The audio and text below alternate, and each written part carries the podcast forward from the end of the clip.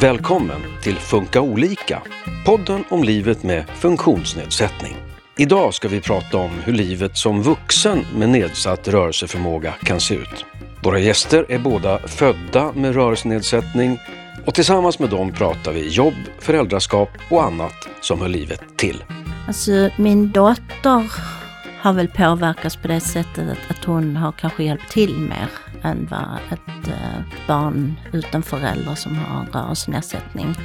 Alltså till exempel hon eh, har klippt gräset, hon har varit med mer och handlat med mig. Och... Jag träffade min man via en dejtingsajt eh, och i min profil så stod det att jag sitter i rullstol. För det, i det läget tycker jag att då är det relevant. Men på intervjuer, nej jag söker inte jobb som snöskottare eller takbyggare så då är det inte relevant. Välkommen hit Pia Jakobsson. Tack. Du är socionom och har arbetat länge med att ge råd och stöd till personer med funktionsnedsättning. Ja, det har jag. Hela mitt arbetsliv har jag arbetat med detta. Du kommer idag prata både utifrån ditt socionomperspektiv som yrkesverksam inom området, men också utifrån att du själv också har en rörelsenedsättning. Välkommen också hit till dig, Malvi Romedal. Tack så mycket. Du är för tillfället föräldraledig. Det stämmer bra det. Eh, och jag själv heter Susanne Smedberg. Då börjar jag med dig då, Malvi. Du föddes med ryggmärgsbråck. Hur påverkas du av din rörelsenedsättning? Det är väl ingenting jag tänker på i dagsläget. För som, jag sa, som du sa så är jag ju född med det, så jag känner ju inte till någonting annat. Hur yttrar den sig då rent kroppsligt? Jag eh, sitter i rullstol, tar mig fram rullandes. Jag har även en rollator hemma som jag går med inomhus. Det är väl det som man ser om man ser mig. Och eh, som sagt, nu är du föräldraledig. Och hur kan en dag se ut för dig? En dag för mig ser ut som följer att min dotter och jag går upp vid halv sju ungefär eh, och äter lite frukost. Och sen så ofta går vi till öppna förskolan. Är det något stöd som du behöver för att klara vardagssysslorna? Jag har ju mycket support från min mamma. Eh, det har jag. Och även min moster är ofta och hjälper till. Men eh, det är ju en guldkant. Jag klarar mig ju själv. Jag har ju vissa hjälpmedel som jag har fått ifrån Hjälpmedelscentralen som underlättar mitt liv. Som en höj och sänkbar eh, spjälsäng till exempel. Den använder jag som skötbord. Pia, vad är det för diagnos du har och hur påverkar den dig? Jag har atroförs multiplex kognital som ingen vet vad det betyder. Men det är en led och muskelmissbildning som jag också föddes med. Och hur det påverkar mig det är ju att jag eh, har väldigt svårt att gå. Jag använder rullstol och eh, jag kan gå korta sträckor med kryckor. Och utöver rullstol, är det något annat stöd som du har i vardagen för att det ska funka bra för dig? Nej, jag har ingen speciell person som hjälper mig eller så. Eh, jag har hittat lösningar på hur jag gör när jag har till exempel handlat mycket. Då använder jag mig av en trädgårdsvagn på något sätt som jag kan stoppa mina matkassar i från bilen. Och när jag handlar så kan jag köra ut den korgen med maten i. Och sen så eh, använder jag ganska mycket tänderna när man har saker i famnen så man håller kvar dem. Och så, eller ett band runt nacken. Men du har också anpassad bil? Ja, det har jag. Och det är ju en av mina bästa hjälpmedel också. Min rullstol och min bil är väl det som är det bästa. Just det, jag har ju också en handikappanpassad bil faktiskt. Och den är som du säger en av de bästa hjälpmedlen. En enorm frihet faktiskt. Pia, jag frågar dig i din yrkesroll då. Är det några stöd som är extra vanliga som många personer med rörelsenedsättning har? Ja, det beror på alltså vad man behöver ju. Eh, det är inte så att man får en massa grejer bara för att man har ett rörelsehinder. Man måste alltså ansöka om det och sen så gör man då utifrån behovet så kan man få det. Och, och det är ju både liksom hjälpmedel, alltså som rullstolar och elrullstolar och alla möjliga hjälpmedel som finns. Eh, sen så finns det ju också hjälp som är mer personlig hjälp, som till exempel personlig assistans och ledsagare, kontaktperson och, och lite sådana.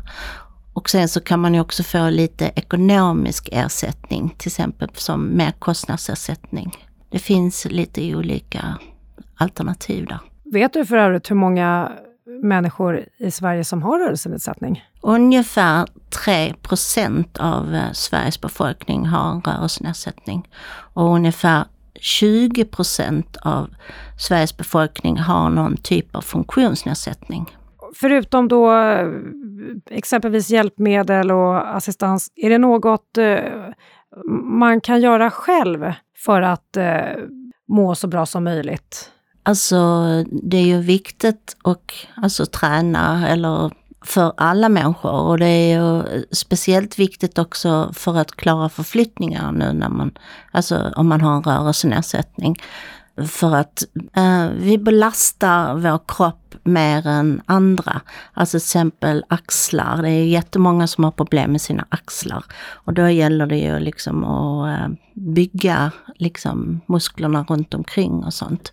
Men sen är det ju alltså bra också att liksom göra roliga saker och ha skoj i livet. Och, och eh, också att man måste tänka också på det här med självförtroende och självkänsla som är en viktig del också i ens liv. Om vi eh, pratar lite mer om träning, vad finns det för träningsalternativ? Massor. Alltså man kan ju göra nästan till allt som eh, alla andra kan. Bara att man kanske anpassar det och gör det utifrån eh, för sina förutsättningar. Och det finns ju många alltså, idrottsföreningar och många idrotter som man också kan träna och tävla i. Då. Om man tänker sig vanliga gym och simhallar, hur väl anpassade är de? Det finns gym som är anpassade. Stockholms stad har ganska många bra gym som är anpassade. Sen så simhallar är också ganska bra anpassade. Malvi, tränar du någonting? Jag springer efter min dotter, höll jag på att säga. Rullar efter min dotter. Det, det är ganska bra träning, kan jag säga.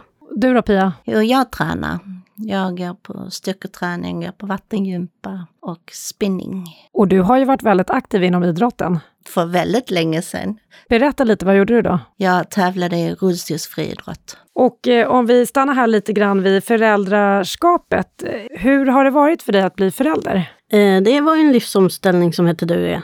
Det kan man ju säga. Man är ju absolut inte samma person idag som jag var för två år sedan, innan min dotter kom. Är det något som du har behövt tänka särskilt på som har med din rörelsenedsättning att göra? Ja, för att bara ta ett, ett exempel så är det ju att eh, tunnelbanan där jag bor, den eh, hissen fungerar inte där nu. Och eh, att ta rulltrappan själv funkar alldeles utmärkt ta rulltrappan med dotter, det gör jag inte. Och då får man ju använda sig av andra färdmedel. Pia, du är ju förälder också. Din dotter är ju ung vuxen nu. Mm. Hur skulle du beskriva föräldraskapet? Alltså, jag vet inte om det var så jättestor skillnad jämfört med hur att vara förälder utan rörelsenedsättning.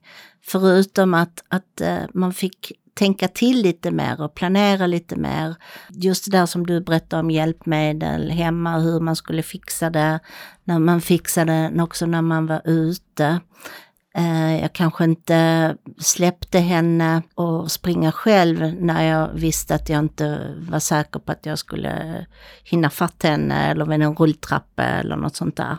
Eh, hon satt ju i mitt knä och jag hade liksom ett bälte på henne då. Men alltså de vänjer sig och de lär sig väldigt bra, små barn. Får du några reaktioner från omgivningen när du är ute med din dotter, Malvi? De flesta ger ju hurrarop om de ens kommenterar. Tycker att det är imponerande att jag som sitter i rullstol kan ta hand om ett barn. Vad tänker du om Även det om jag inte tycker att det är så konstigt, för jag är ju som vilken annan människa som helst. Bara det att jag tar mig fram rullandes istället för gåendes. Det är ju inget annat liksom. Jag har ju hjul som ben istället. Jag tycker inte det är så konstigt. Sen vet jag ju att eh, min man har fått frågan hur det är att jag har mig som förälder till sitt barn utan att jag har varit i närheten. Och det är ju lite konstigt kanske. Men eh, jag är som vilken annan människa som helst. Vad tänkte du om att din man fick den frågan eller har fått den frågan? Jag hade ju hellre fått den frågan själv. Men jag förstår att det kanske är lite läskigt att gå fram till mig och ställa den frågan. För man kanske blir kränkt eller någonting. Inte för att jag hade blivit det, för jag är inte så lättkränkt. Utan jag tar det mer som att det var bra att du kom fram och frågade. För det, jag tar hellre frågan en gång för mycket än en gång för lite. Själva graviditeten då? Hur var den? Mm, nej, men i början var det inga konstigheter alls.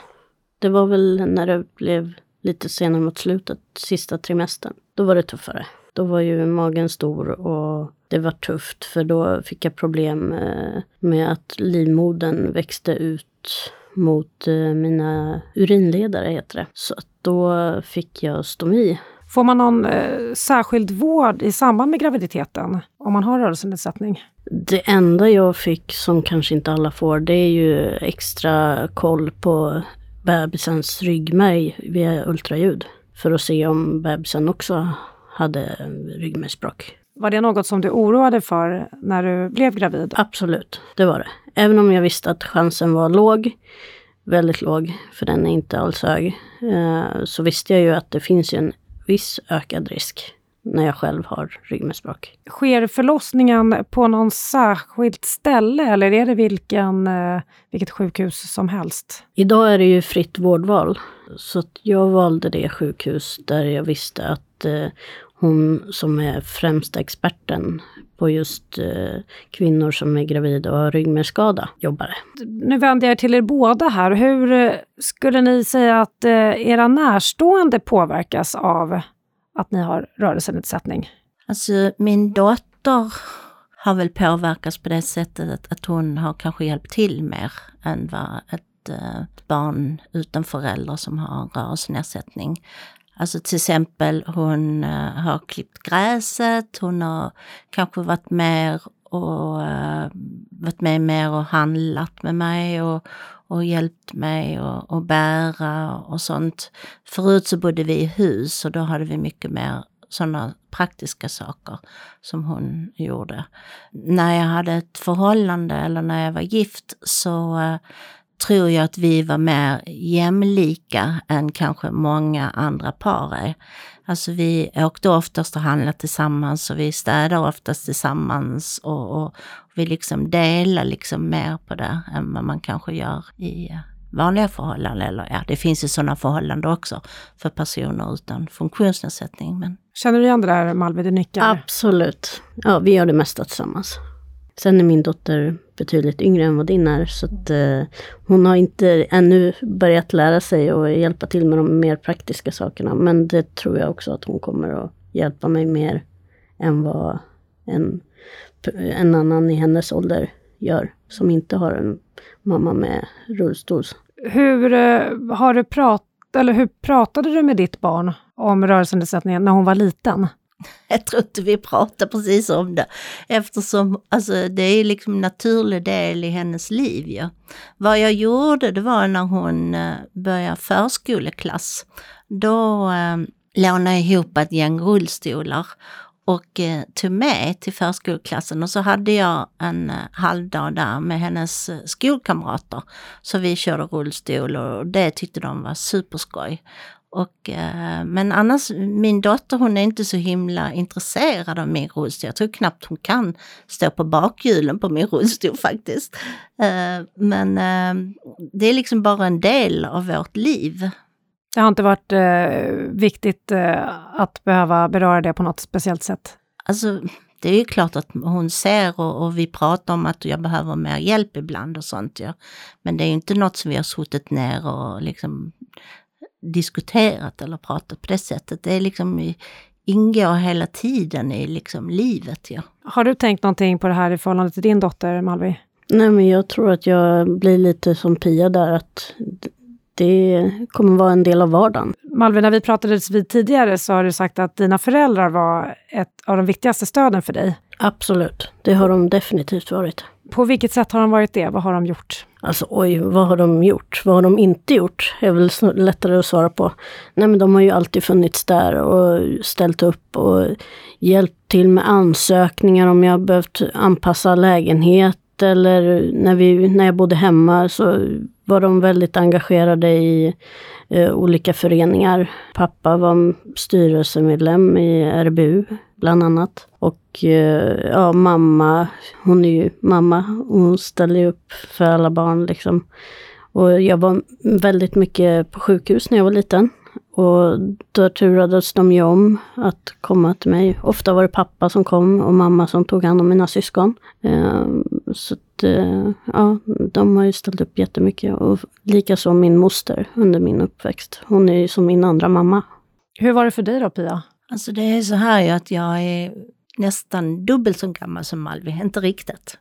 Och det var en helt annan tid på den tiden. Min mamma var hemmafru och min pappa jobbade.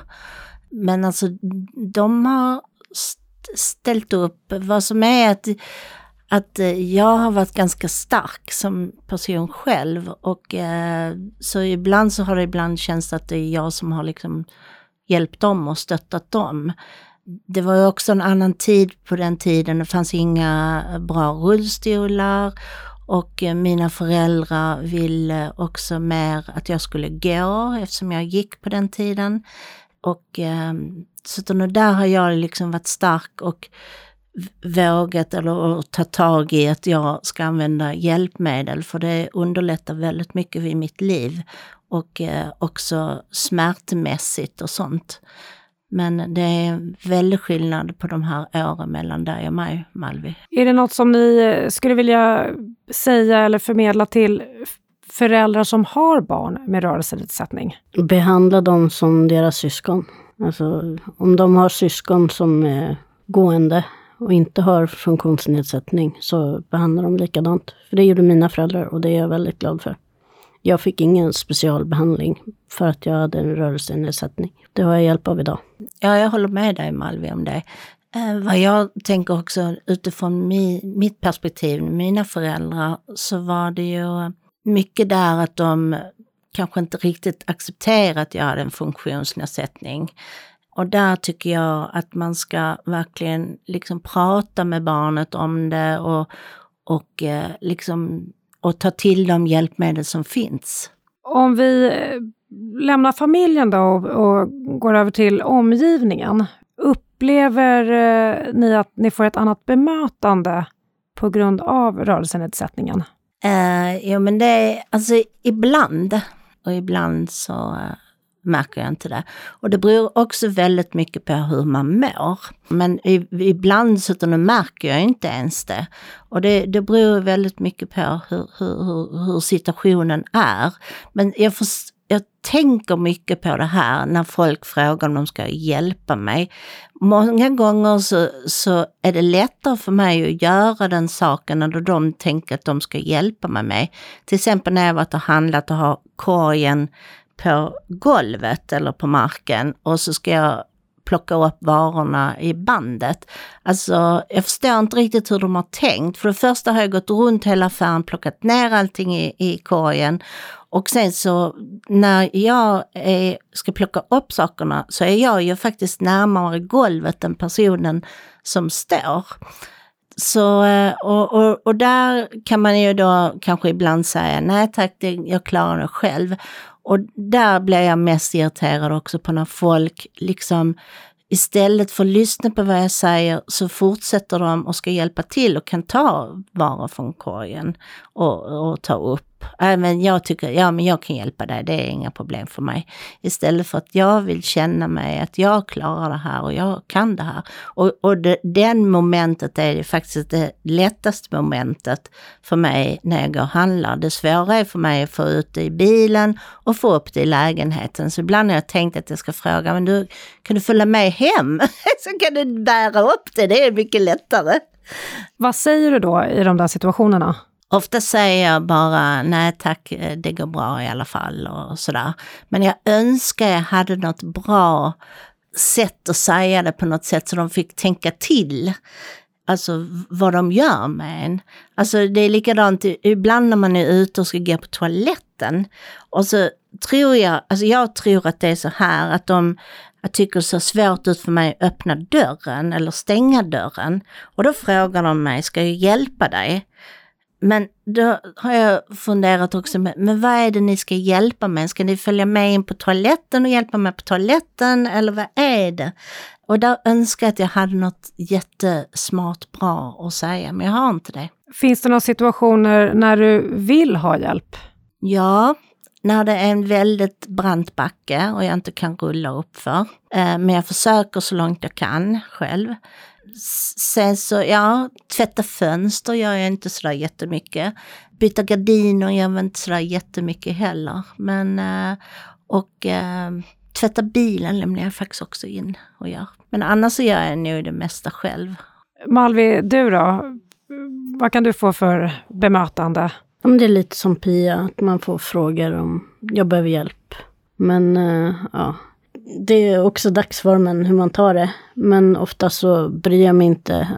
Alltså jag blir inte irriterad om någon frågar. För jag tycker lite att hellre fråga en gång för mycket än en gång för lite. Om jag faktiskt behöver hjälp någon gång så vill jag ju gärna ha frågan då också. Hur är det när du är ute med din man då? Ja, det har ju hänt att de har vänt sig till honom och eh, frågat om jag vill ha någonting. Då brukar jag svara att ja tack, jag vill ha det här eller det här. Istället för att han ska svara. Det här med att eh, träffa nya personer då, till exempel eh, dating eller jobbintervju. Berättar ni alltid innan att ni har en rörelsenedsättning? Absolut inte. Om det är relevant, ja. Är det inte relevant, så nej. När det gäller dating, ja då är det väl relevant, kan jag tycka. Så där berättade jag det. Jag träffade min man via en dejtingsajt. Eh, och i min profil så stod det att jag sitter i rullstol. För det, i det läget tycker jag att då är det relevant. Men på intervjuer, nej jag söker inte jobb som snöskottare eller takbyggare. Så då är det inte relevant att jag sitter i rullstol. Tänker du på samma sätt där Pia? Ja, ja, ja, precis som du. Om vi går in lite på jobb. Hur ser jobbsituationen ut för personer med rörelsenedsättning? Det är lite mer, alltså enligt statistik så är det lite fler som är arbetslösa med funktionsnedsättning än eh, personer utan funktionsnedsättning. Det är ju fler personer också som blir diskriminerade och eh, kränkta och eh, har svårt att behålla och, och, jobb och sånt när man har en funktionsnedsättning. Vad krävs av en arbetsplats för att anställa någon med rörelsenedsättning? Krävs det något speciellt? Ja, att den är anpassad så man kan komma in. Det är inga trappor och helst inte så stora trösklar och, och att man når allting och eh, ja, det är väl så man tänker. En bra toalett. Och eh, du sa att det är lite högre arbetslöshet. Varför tror du att det ser ut på det sättet då? Alltså det är ju mycket fördomar bland folk ute eh, som tror att, att vi inte kan arbeta och prestera lika högt som eh, andra personer som inte har funktionsnedsättning. Har du mötts av sådana fördomar i jobbsammanhang? Alltså jag har egentligen, kan man väl nästan säga, eh, valt den lite lätta vägen. Eh, för jag har alltid jobbat med personer med funktionsnedsättningar. Och då eh, eh, är det, alltså då är allting anpassat och sådär.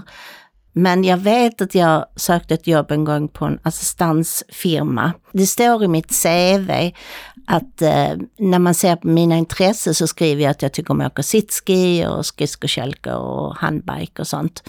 Eh, och då eh, tror jag de hade missat att se det där. För när de kallar in till intervjun så tittade de väldigt runt sådär. Och det var ju bara liksom jag som var där ja. Så till sist så blev det så, är det du som är Pia? Och, och då är det ju, det, det tyckte jag var väldigt konstigt. Mm. Hur eh, har det varit för dig när det gäller jobb då, Malvi?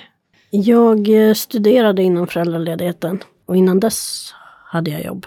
Har du själv upplevt någon gång att eh, du har sökt ett jobb och sen att du inte har fått det på grund av att du till exempel sitter Jag, jag kan ju bara spekulera eh, kring varför jag inte fått vissa jobb som jag sökt.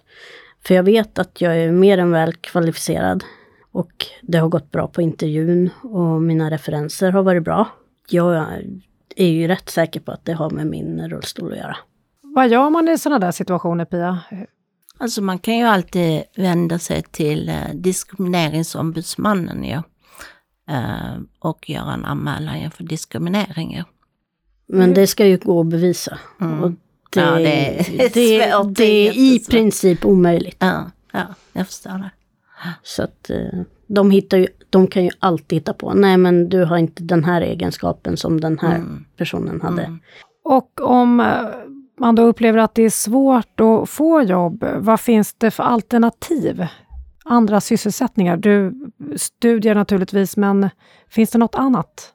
Alltså Arbetsförmedlingen har ju stödinsatser som de kan sätta in, både ekonomiska som lönebidrag och, och eh, personligt biträde och, och sådana saker. Men också eh, Försäkringskassan kan också hjälpa till och anpassa arbetsplatserna. Om eh, vi lämnar jobbet och pratar fritid, vad, vilka möjligheter finns det att ha en aktiv fritid? Om man tänker liksom allt ifrån gå på bio, teater, resa, gå på krogen. Vad säger du Malvi? Det beror ju helt på hur aktiv själv, alltså du är själv som person. Eh, du kan göra precis vad som helst, hur mycket som helst. Har du, har du ekonomin och har du viljan så kan du i princip göra allt. Du kan gå på bio. Där har vi ju reducerat pris, vi som har eh, Försäkringskassans intyg för vad är det, handikappersättning heter det inte längre. Det Mm, heter mer- merkostnadsersättning. merkostnadsersättning. Ja. Eller sjukersättning eller aktivitetsersättning. Precis.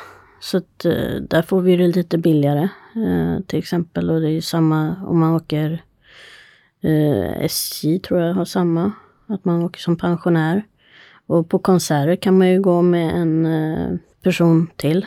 Eh, En ledsagare, Ledsagare, det är en person som ja, ska hjälpa till då om man Ja. behöver. precis. Är det något som kan behöva anpassas då för att det ska fungera? Alltså jag tänker att man behöver alltså kanske planera lite mer. Och man måste tänka liksom över hur det tar sig in och om det finns en toalett som är anpassad. Eh, men alltså det finns ju både och. Och där kan man ju, alltså man väljer ju det på något sätt. Vill jag böka och ta mig in på ett ställe som jag verkligen vill in på så tar jag mig in där också. Men sen kan det vara också så att man tänker, "Ah, ja men jag går på det här stället istället. Så då, eh, som funkar mycket bättre. Vad gör ni på fritiden då? Ja, jag tränar ganska mycket och sen träffar jag kompisar och eh, ja, går på bio och teater och ja, lite tror jag som de flesta gör. Eh, Jag har ju precis också, att min dotter har precis flyttat hemifrån ju. Så eh, då blir det lite annorlunda också. Nu har man mer, ännu mer tid fast hon var vuxen när hon bodde hemma. Men eh, mm. Och du som föräldraledig har kanske inte så mycket fritid. Nej, inte överdrivet. Nu vänder jag mig till dig också Pia, för jag vet att du reser mycket. Vad behövs för att det ska fungera bra på resan? Alltså det beror ju väldigt mycket på vad man har för funktionsnedsättning.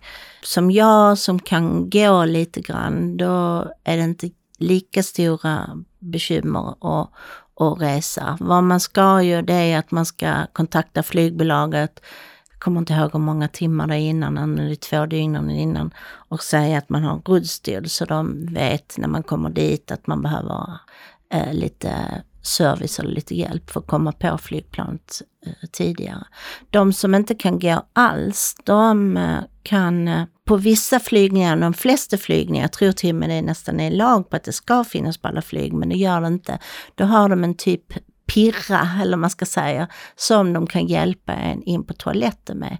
Men oftast är ju toaletterna så små så man får inte plats med både pirran och, och alltihopa så man kan stänga dörren. Men eh, tåg, då finns det ju vagnar där det finns en, som en hiss på vagnen. Så man kan komma in där. Reser du mycket Malvi? Eh, ja, Det gör jag. Vad är viktigt för dig då för att det ska flyta på smidigt? Alltså jag gör ju mycket bakgrundskontroll innan. På resmålet och hotell och så. Det som är viktigt är ju att det ska funka med det praktiska.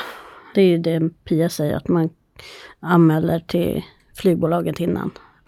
Jag brukar se till att få plats nära toaletten, för jag, då kan jag ta ett par steg så att jag slipper den här pirran. Eh, vi ska börja avsluta nu och eh, då tänkte jag fråga er båda, ni är ju vuxna idag, är det någonting som ni tycker har blivit bättre i samhället nu jämfört med om ni blickar bakåt lite grann?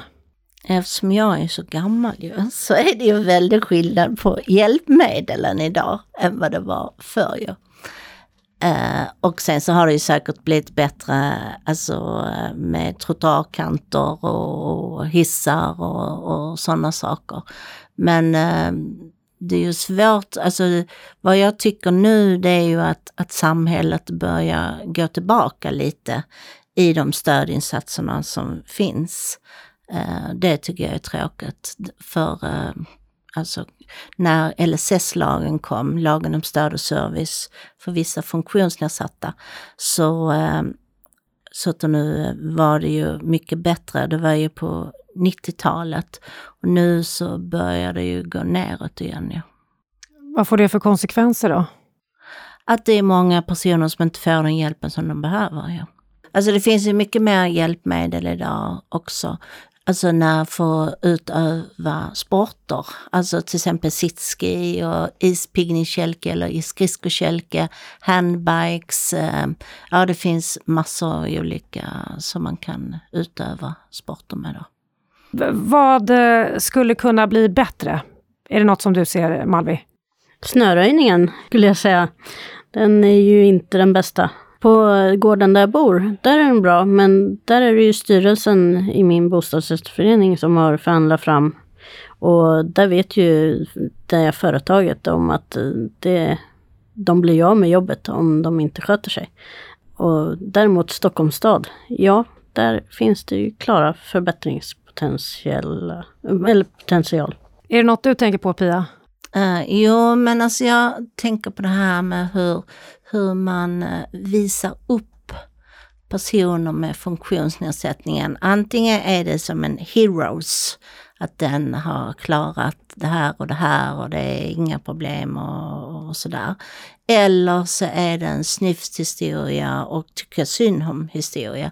Det är inte så mycket liksom att vi är vanliga människor, vi lever ett vanligt liv, precis som ni. Där tycker jag att man skulle liksom vilja ha bättre syn. Och likadant liksom att eh, när man ska visa personer med funktionsnedsättningar så eh, många gånger på bilder när man eh, visar personer med funktionsnedsättning och med rullstol så är det att de sätter dem i en gammal en gammal rullstol som ingen kan rulla i och ingen använder idag. Oftast är det kanske en sån sjukhusrullstol som man blir rundputtad på på sjukhuset. Och det tycker jag är också att vi är faktiskt aktiva människor. Vi är precis som alla andra och vi lever liksom ett, ett bra liv. Det tycker jag var väldigt bra sista ord. Så därmed säger jag stort tack till dig Malvi Romedal. Tack. Och eh, stort tack också till dig Pia Jakobsson. Tack själv. Och du är ju socionom på habilitering och hälsa och eh, också ansvarig för eh, Funktionshindersguiden som är en webbplats med information om samhällets stöd. Mm, det är det. Där kan man få tips på aktiviteter, eh, vad som man kan behöva tänka på om man ska ut och resa med mera. Med mera. Mm. Men även samhällets stöd, både ekonomiskt och eh, personligt stöd. Och den hittar man på funktionshindersguiden.se. Och tack till dig som har lyssnat. Du har lyssnat på Funka olika, en podd från Habilitering och hälsa som är en del av Region Stockholm. Det här var sista avsnittet i denna serie om rörelsenedsättning. Men vi hörs snart igen.